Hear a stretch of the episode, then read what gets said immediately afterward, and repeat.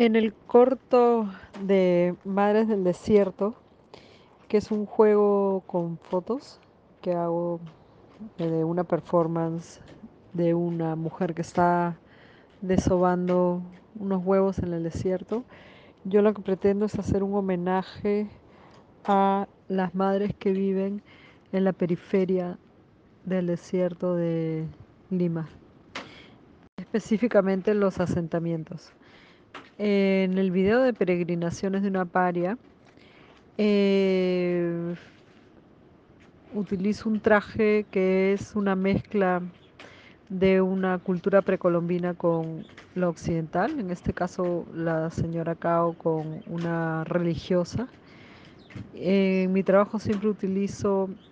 el tema de cómo los trajes determinan una conducta y cómo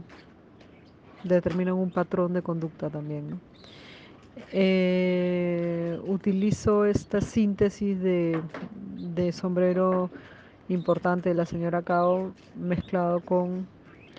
el traje de una monja y va el video de blanco y negro señalando un mundo binario entre bueno, malo, eh, sagrado, no sagrado. En el peregrinaje ella hace unas paradas en el desierto y, realiza unas acciones donde escenifica em, situaciones domésticas, donde se pone una falda en la cabeza y luego